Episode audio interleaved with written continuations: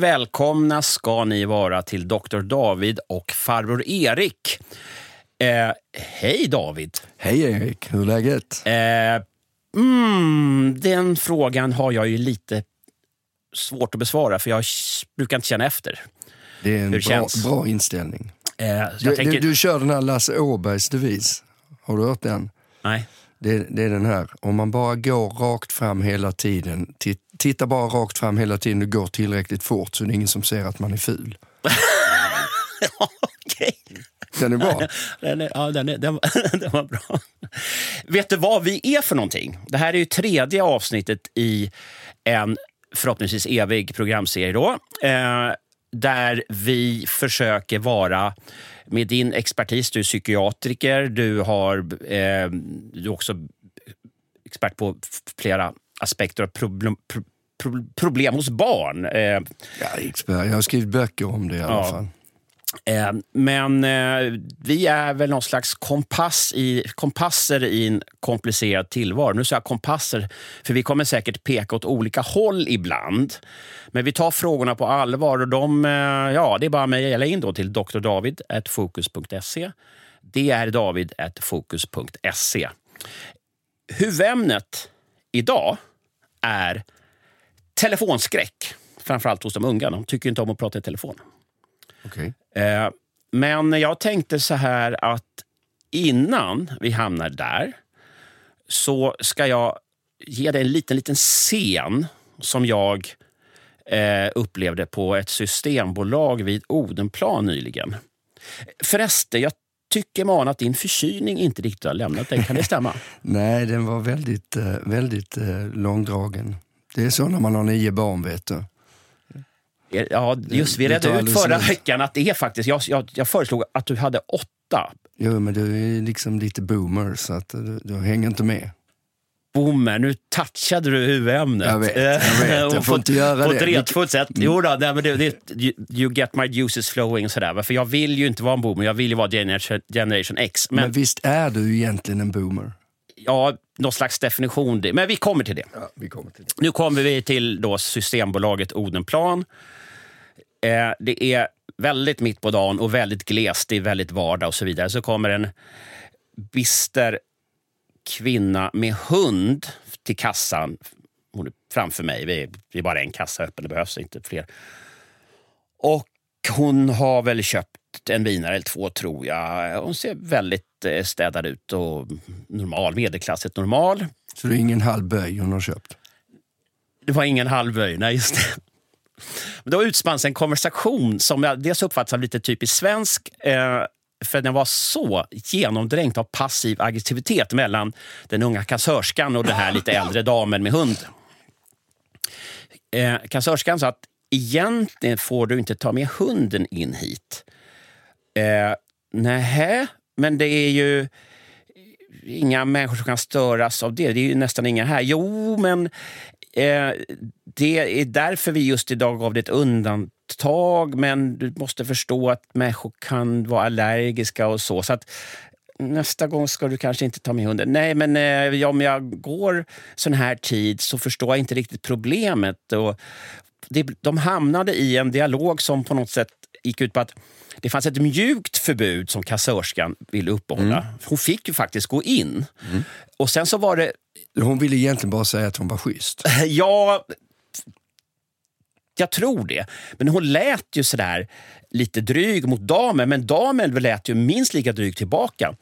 För att hon väg, alltså den här kassörskan ska ju upprätthålla regler i Systembolaget. Det, hela samhället bygger ju på att vi, vi, vi bestämmer vissa regler och försöker följa dem. Och hon kunde inte för sitt liv acceptera att den här kassörskan försökte upprätthålla en regel, men som tydligen, tydligen var lite porös. Vad gör det med oss människor när vi inte vet om en regel gäller eller inte? Och eh, finns det något svenskt i det här att vi inte riktigt, att inte riktigt ordning och reda på prylarna? Jag tänker på corona också när det var så att, att man hade massa rekommendationer och råd. Medan andra länder då var det liksom piska. Och så. Du får inte lämna lägenheten blir det jättestraff och sådana saker. I Sverige, hur, hur, är, det, är det här bra eller dåligt den här svenska vägen?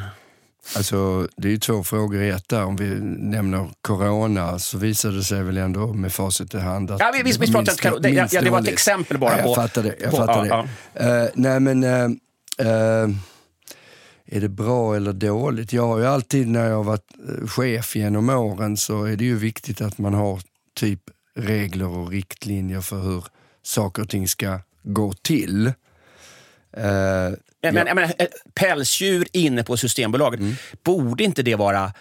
Alltså antingen får man eller så får man inte, eller? jo. Det, det blev väl en obehaglig situa- situation för båda de här, för de visste inte riktigt vad som gällde.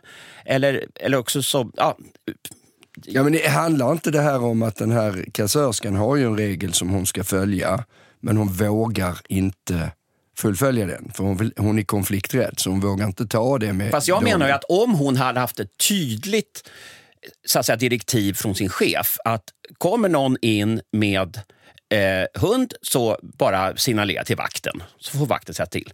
Antingen är det nolltolerans... Alltså, Alltså, jag ställer en, en fråga, det är inte så att jag förespråkar den ena linjen efter den andra, men de, de hamnade i ett så besvärligt läge båda två. De var dessutom Men passivt tror, du inte, aggressiva. ja, men tror du inte Erik att det finns ett tydligt direktiv? Eh, det, jag, jag vet ju inte det här, jag eh, spekulerar bara.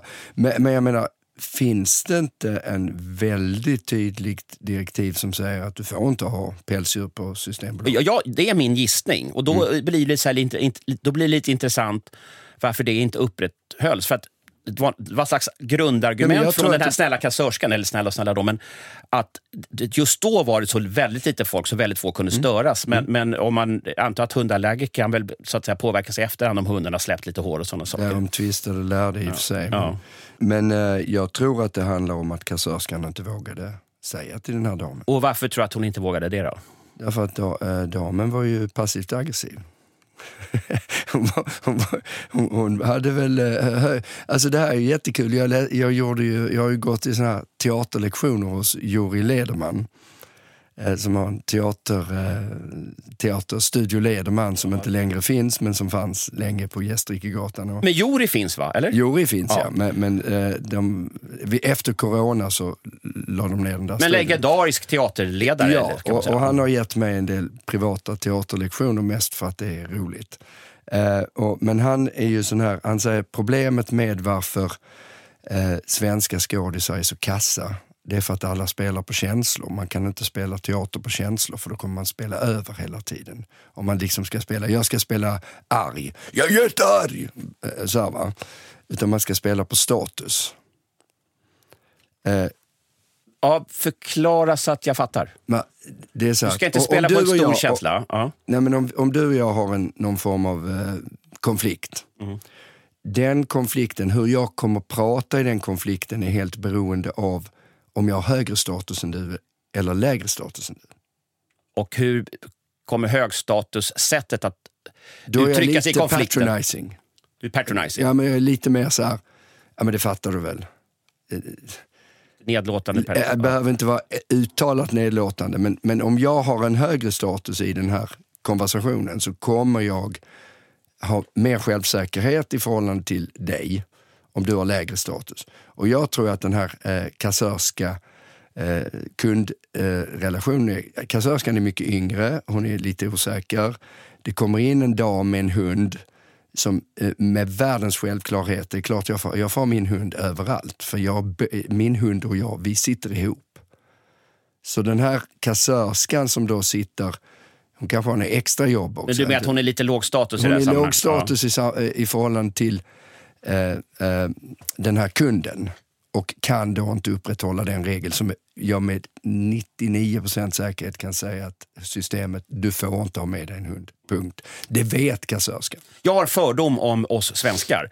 Eh, det är att det här, den här alltså så här passiva aggressiviteten, där i, i ett annat land så kanske man skulle, de, de skulle gräla på varandra. Det kan vara skönt att inte höra en massa gräl i offentliga rummet, men det har en psykisk kostnad att så att säga vara passivt aggressiv, inte riktigt leva ut men, men eh, att man håller tillbaka. Detta, detta har ju en stor betydelse för hela det offentliga samtalet i Sverige där det är ju konsensussökande eh, ständigt.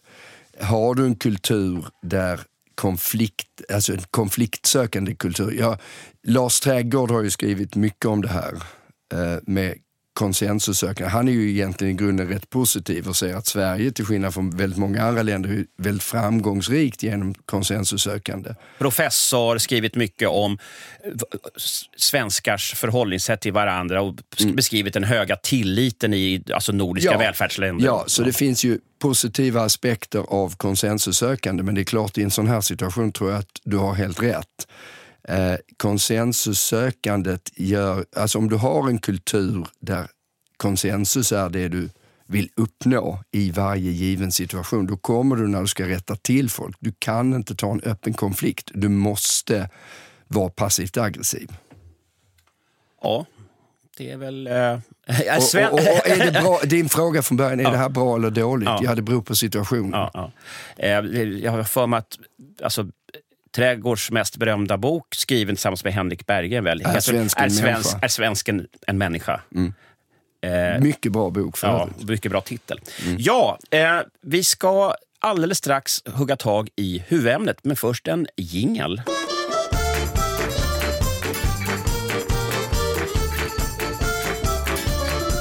Under jingeln så giddrade du och jag, David... Du gillar ordet jingel, va? Ja, om hur vi ska säga att det kommer en jingel eller bara lägga en smack on. Eh, diskussionen fortgår och ni läsare får ju gärna eh, komma med synpunkter. Det kan vara fall på, eh, huvudämnet. Sa jag läsare? Nästa, nä, lyssnare? Ja, det är nästa huvudämne då, eller? Eh, det tror jag inte det håller för. Eh, men eh, i så fall skriver man till eh, drdavid.fokus.se. Det är david.fokus.se. Med frågor som vi förhoppningsvis kan reda ut här, eller åtminstone ge någon slags grund för vidare utredning. hos Tost, säger fortfarande förkylde David Eberhardt min vän, tillika psykiatriker. Och nu, oj, oj, oj vad jag håller på att jiddra här för att komma fram till huvudämnet. Som handlar om telefonskräck. Mycket kort fråga från orolig mamma. Eh, frågan lyder, varför har Zoomers telefonskräck? Och Zoomers, David, vad är det? Ja, det visste ju inte jag, men det är Generation Z. Då, och, eller? och vad är det? Ja, men det är de som är födda någonstans i, kan det vara 98? Man framåt? brukar väl säga någonstans födda 95, 96, 97 fram till cirka 2010. Så okay. de som, mm. och det, det, mycket handlar om alltså, i vilken ålder kommer då sociala medier och mm. mobiler in i mm. deras liv. och så. Vi kan ju också säga att utifrån programmets inledning, där du hånar mig lite för att vara en boomer, boomer ja. Mm. att när man talar om boomergenerationen, det är typ efter andra världskriget, alltså cirka 1946 till 1964. Jag är ju född 1964, så jag räknas i det sammanhanget som en boomer. Men du känner dig inte som en boomer? Nej, och sen, för jag vill ju vara generation X, för det, mm. det är den som kommer sen. Då. Och det är den som jag tillhör ja, Du är född 66. Den coola generationen. Ja, och, jag, och, och, i Sverige var den här lite taken att man pratar om den ironiska generationen och så mm. vidare. Mm. Men när man och sen kommer ju millennials, eller mm. generation Y och så vidare. Nu är det zoomers vi ska prata om och telefonskräck. Men det är lite kul med generationer för att de definieras ju faktiskt delvis Alltså när sociologer och, och, och som kulturtänkare försöker begripa vad är det för så att säga, kollektiva erfarenheter och teknologiskiften som kan tänkas forma en generation så att det blir lite likartat i värderingar och beteende så är ju faktiskt teknologi viktigt. Det, det är ju det, är ju spel mot ett mål att, att, att smartphones till exempel har påverkat våra liv mycket. Den här konkreta frågan handlar då om, om telefonskräck hos Zoomers. hos Zoomers. Och, och den här telefonskräcken den märker jag ju hos mina barn. De, de föredrar att kommunicera höll på att säga SMS, med sms, men det är snarare andra. Alltså det är olika Snapchat appar. Och ja. appar eh, men det här att ringa, eh, mm. det är inte...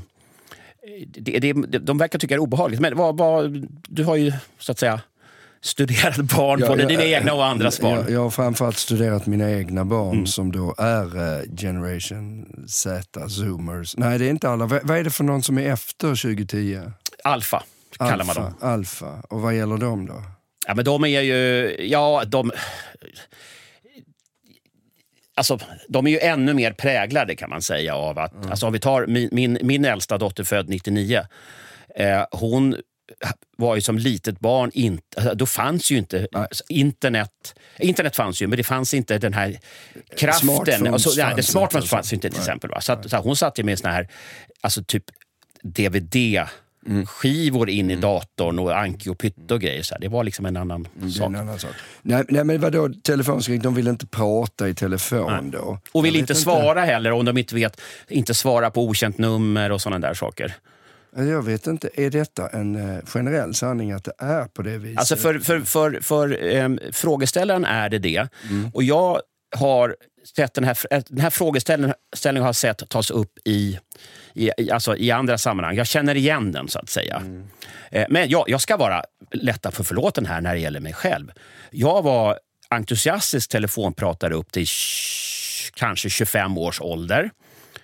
Och sen började tycka det var jobbigt att svara. då- På den, på den tiden, jag, det var, jag hade en sån här gammaldags telefon. För där, nu pratar vi alltså Ja, ja. 1800-talet? Ja, ja typ 1990 ungefär. Va? Så, då ville jag att telefonsvaren skulle gå igång så att eh, personen börjar prata sen. Hej, det är bla bla bla. Du, Och då kan du lyfta luren. Ja, då, då kan hör liksom vem det är och dessutom kan höra på tonen vad det gäller och så vidare. Så jag var, jag, från att ha varit en superentusiastisk telefonpratare övergick i 25-årsåldern till att mer och mer avsky telefonen. Och jag eh, låter ofta eh, signalerna bara gå när folk ringer mig, särskilt från alltså, okänt nummer och sådana saker. Då svarar jag typ aldrig. Utan då får folk skicka ett sms eller så. För jag, jag vet inte vad Men jag, jag tycker samtidigt att jag är ganska löjlig. Vad är jag rädd för? Alltså jag har en liten teori. För, jag ska bara fullfölja det här nu. nu.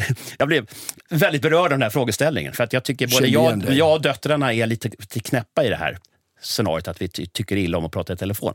Ibland kan man skicka liksom 20 sms till varandra eller liknande, messenger, så här, istället för att bara prata. Och Då tycker jag de är löjliga. Men jag går ofta omkring med dåligt samvete över saker. Det är någon artikel som är sen eller på något sätt har jag klantat mig. Och där det då någon ringer, då är känslan av att det är någon som tycker att det är bråttom med någonting. Alltså, det, alltså, ringandet är på något sätt förknippat med Tangerar Ja, prokrastineringsprogrammet precis. här. Och, och den andra aspekten av det är att den som ringer kanske vill prata om saker när jag är upptagen med något annat.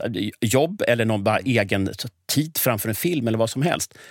Det vill säga, när jag ska prata med folk då vill jag bestämma tid för det och inte bli avbruten av mina egna tankar. Fast den här frågan skulle handla om zoomers. Jag är hemskt ledsen, kära lyssnare, att det bara handlade om mig nu, om farbror Erik. Men eh, ja, spekulera Dr. David. Varför är zoomers rädda för att tala, Ja, men tala i jag, för det telefon? första måste man ju eh, svara på frågan, är zoomers rädda för att tala i telefon överhuvudtaget? Är det så? Är det här inte en individuell fråga? Jag kan ju bara ta, om vi nu ska prata om eh, oss själva, så kan jag ju säga att jag är, pratar ju, jag är då generation X. Eh, Jag pratar ju aldrig i telefon, jag är ju som du. Jag, och jag har väl aldrig gillat att eh, babbla i telefon. Min fru däremot, som är något yngre än jag och tillhör väl millennials, hon pratar i telefon oavbrutet. Men det är en viktig skillnad Oavbrutet. mellan, mellan å ena sidan dig och mig och å andra sidan din fru Charlotte. Som är en väldigt härlig person. Jag har ju träffat henne flera gånger. Hon är kvinna. Och jag Exakt tycker, dit jag skulle komma. Ja, cool. Det- Fortsätt. För jag tror att det finns könsskillnader mellan det här med telefonpratandet och det är ju om du bara tittar på sådana här gamla Sune och de här gamla barnfilmerna. Eh, så eh, om, om vi tar den här, ska vi säga, eh, allmänna eh, vad heter det? Alltså, att, att, liksom, det här är ju liksom fördomen mellan eh, tonårstjejen och tonårskillen är att tonårskillen går runt och grymtar och eh, sparkar på saker medan tonårstjejen bara tuggar tuggummi och pratar i telefon. Det ligger ju någonting i det. Eh, det finns ju eh, skillnader här som jag tror huvudsakligen är individuella med en touch av könsskillnader eh, kring eh, det här sociala som ändå krävs i telefonpratande. Att skicka sms kan du ju, det, det är ju asocialt i någon, någon mening. Alltså du behöver inte investera särskilt mycket och du behöver inte, eh, det blir någon form av bara kommunikation som är av eh, pragmatiskt Ja, och jag ska utveckla just den grejen som jag tycker är så härligt med sms. Det är att du svarar när du vill. När det ringer, då måste ju svara precis Exakt. nu när personen Ja, ringer. Ja, ja. Med sms kan jag svara, jag kan svara nu. men Jag, kan, jag kan vänta en timme eller, eller fem timmar eller till nästa dag beroende på vad det står där. Och ärendet förklaras. Alltså, den som skriver sms förklarar ju... Alltså, att, ibland kan ju bara någon skicka någon bara gullig emoji eller något pepp. Sådär. Men, men annars, eh, jag skulle vilja prata om den här grejen eller ska vi, vad säger du, ska vi, ska vi försöka ses på fredag? Cut to the chase. Ja, just det. Mm. Och, och det, Då slipper man bli avbruten i det man gör. ja. Eh, Nej men, nej, men det, jag menar, eh, det, det, det, kan väl också om man nu tänker att det ligger någonting. Jag, jag eh, vet inte om det här är en generationsfråga eller om det är en individuell slash könsfråga. Men om det då ligger någonting i det så kan man väl säga att den här gener eh, zoomers-generationen är ju ständigt uppkopplade. Alltså de har ju någon form, även om de inte är i åldern, att eh, ett, ett stort problem med dagens eh, samhälle är ju att det är väldigt svårt att skilja ut vad som är arbetstid och vad som är privat tid. Ja. Alltså, det här går ju för väldigt många människor in i varandra på ett sätt som det kanske inte gjorde på 40 och 50-talet. Där man gick till sitt jobb och sen var man hemma.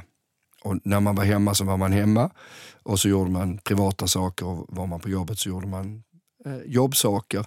Väldigt många idag, i och med den här ständiga uppkopplingen, har ju väldigt svårt att freda sig. Man gör eh, privata saker på jobbet, man gör jobbsaker hemma och så liksom det, det, det, är väldigt oklart Kan man säga så här, att, att det zoomersna gör, om de nu gör det, eller vi som, som så att säga, mot, motar undan telefonpratet från våra liv genom att inte svara eller, eller genom att ja, på något sätt markera för, för, för vår omgivning att, att det är bättre att nås på mejl och sms och sådana saker.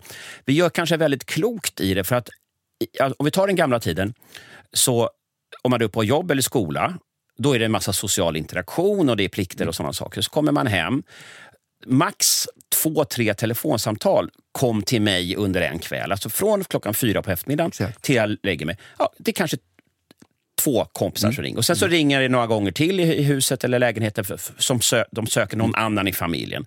Jag kommer ihåg att man svarar med nummer till och med. 718 12 06 och sådär. Mm. Och, och, så, och sen så, ja, hej, får jag prata med din, din, din mamma eller bla bla. bla. Mm. Men nu bombas man med, med, med så att säga... Ja, men det, det är det ja. som är min poäng. Och då stänger de ner. De alltså, gör det alltså rätt. Jag tror att de gör helt rätt. Eh, därför det är som du var inne på tidigare, det är mycket mindre investering att bara skicka Snapchat eller sms. Den, om vi då säger att du, eh, du bombarderas av den här typen av information från andra dygnet runt, eller i alla fall dygnets vakna timmar. Eh, vissa mina yngre barn nu, eh, som är, ja, min son som är född 2010, det, Snapchatten går ju liksom, man fattar inte när hans kompisar går och lägger sig. Så man måste ju stänga av ljudet på hans telefon. För annars plingar det hela tiden när han ska sova. Eh, men, men detta är ju liksom en illustration på den, det kommer den här ständiga flödet och att då investera i att stå och prata i telefon hela tiden, du skulle inte göra annat. Dels det, dels som sagt i situationen. För det, säg att det är någon jobbgrej som ska redas ut eller någon vill ha råd eller någonting. Mm. Då vill man, man vill så att säga nu har jag en lugnt. Kanske nästa gång jag dricker kaffe, då kanske jag vill chitchatta lite och, mm. vara fem, tio minuter. Men, men den som ringer propsar på min uppmärksamhet nu. Ska vi, Alex Schulman skrev i krönika, som jag tycker mig minnas, för, i Aftonbladet för ja, jag vet, fem, tio år sedan. Någonting sånt där. Han blev liksom typ förbannad för folk som hade mage att ringa. Alltså, alla mm. civiliserade människor skickar väl sms mm. när de vill någonting. Um, så att på den här frågan då, om varför zoomers har telefonskräck, typ för att de är, de är hyfsat smarta och de, de fredar si, sina inre liv. Är det, är det grundsvaret? Ja, jag, jag skulle säga att, att det är förmodligen eh, så att det här blir för stor investering att, att hela tiden ta emot telefonsamtal. För det, det, det riskerar att bli för många. Som du själv var inne på när du var ung och jag, det var max två samtal. Ja. Men nu är det inte så. De gör alltså rätt, eh, inklusive mina döttrar som är då, eh, de som är då, ja, de är zoomers. Nu, eh, David, ska vi se om du kan berätta för lyssnarna och mig vad som ska hända i programmet om två sekunder. Om två sekunder så ska du förklara eh, att man kan prenumerera på Fokus. Men först händer ju det att det kommer en liten musikalisk ah, musiksnutt som heter... Förlåt, en jingel.